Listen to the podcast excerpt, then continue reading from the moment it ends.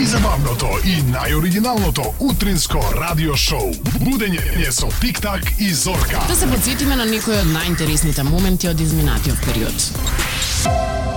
А во Турција турските власти отворија денес истрага откако во Измир бил хакиран систем за повикување на молитва, па од минарињата на неколку џами била пуштена италијанската антифашистичка песна Бела Чао.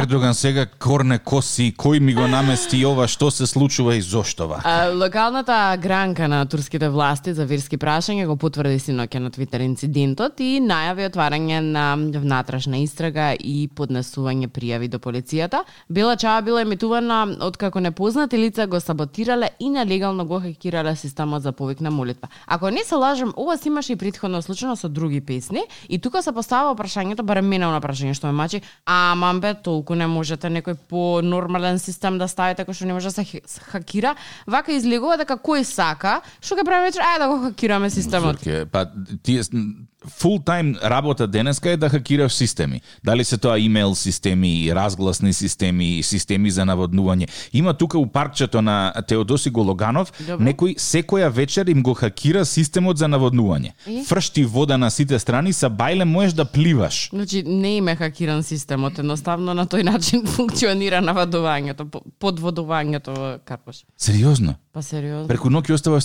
црева да течат. Па како мислиш дека Карпош ќе биде зелен, колега? Па има бре зорке прскалки. Значи, сериозно. А, сега ти паркот, колега, прскалки, не знам што. паркот од Гоце Делчев студентски до Рузвелтова што тера има прскалки, има систем за Може да е наводнување. хакиран, може и да сум. Зошто зошто Со потреба црево да тече? хакирал. Со но, да, со ножички го хакирал.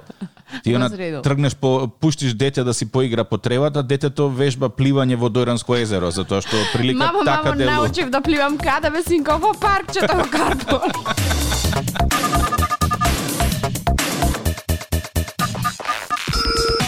Цитирам. Младите од Ѓорче Петров нека почнат да се спремаат за ново забавно место каде ќе го поминат времето.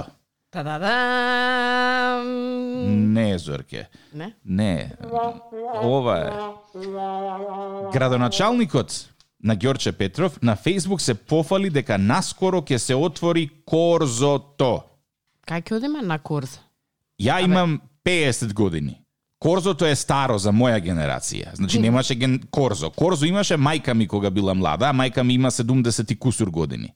И сега што очекуваш ти од некој е, тинејџер у Ѓорче кој што е задоен на Инстаграм, ТикТок и слични социјални мрежи да да виде Корзо. Кај ќе идеш на Корзо? Абе ајде. Ама, колега, затоа па убаво снимено со дронче, со свадбени моменти, ефекти. Ова некако стана традиција вака со свадби. Е, На времето се отвара ем, тунели со музика. Сега се отвараат курзиња и, и паркинзи со видеа. Кај ќе одиме на дејт вечер, ај на Корзо. На Корзо. Корзо Абе, ти е... Наде, знаеш тоа што? Абе, овој мојов ке ме носи вечер на Корзо. Леле, колко е романтичен. Какака драма. Знаеш што, Корзо ти е старомодна верзија на Инстаграм или на Снепчат. Значи Не. порано не си можел да да да штракнеш селфи и да го постираш, да го види секој, си морала да идеш на Корзо. И се шеташ ти по Корзото и те гледа народ.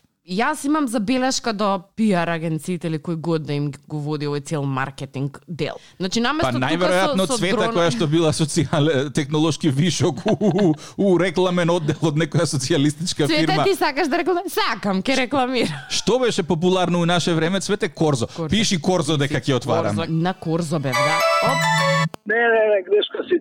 И то, и то дебела грешка. Прво, Корзото во Ѓорче е локалитет. Ау, извини Значи, ве мола, малски муабети ќе правиме сега. Колко ние сме брат од Чекајте, млечен екипа. Малку, почекај малку и слушај, те молам.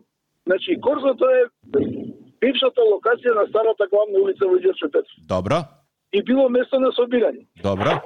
Во денешно време, кога ти рече дека Инстаграмот е нешто како Корзо, цело време кукаме и мјаукаме дека децата не се социјални воопшто. Извини, дека те прекинам. Вие кукате и мјаукате дека децата не се социјални, исто кој што твојата мајка кукаше дека само акаш по корзо.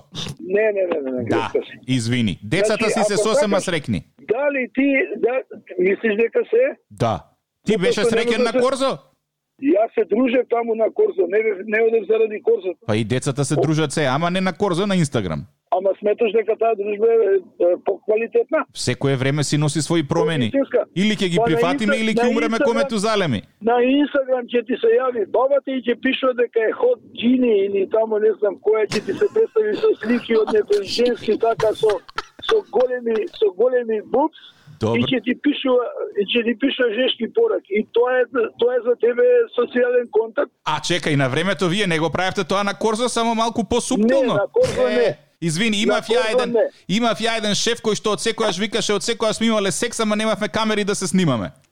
Апсолутно. Тоа така да- Ти, Ѓорче е железничарска населба, почната како железничарска населба, па проширена е заради рудникот во Радуша Хром и населбата Хром, што ја викате сега, се фактички објектите кои што требале да бидат обезбедени за луѓето што работеле во рудник во Радуша и во, во сепарацијата и во пералиштето. Значи, Но, Ѓорче е нема стара населба. Не е тоа ниту елитно. Сега, откако стана нови джет сетери и, и хибридни богаташи, сите кажуваат што е елитно, што не е елитно.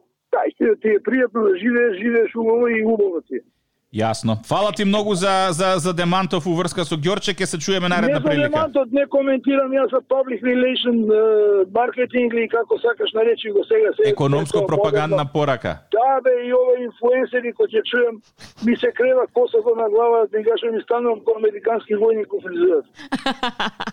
И ја морам да те поздравам со... Е, Секој добро, убав ден. Поздрав, чао, чао. Е, Зорке? Да, да, ќе се изгаси, не се секирай.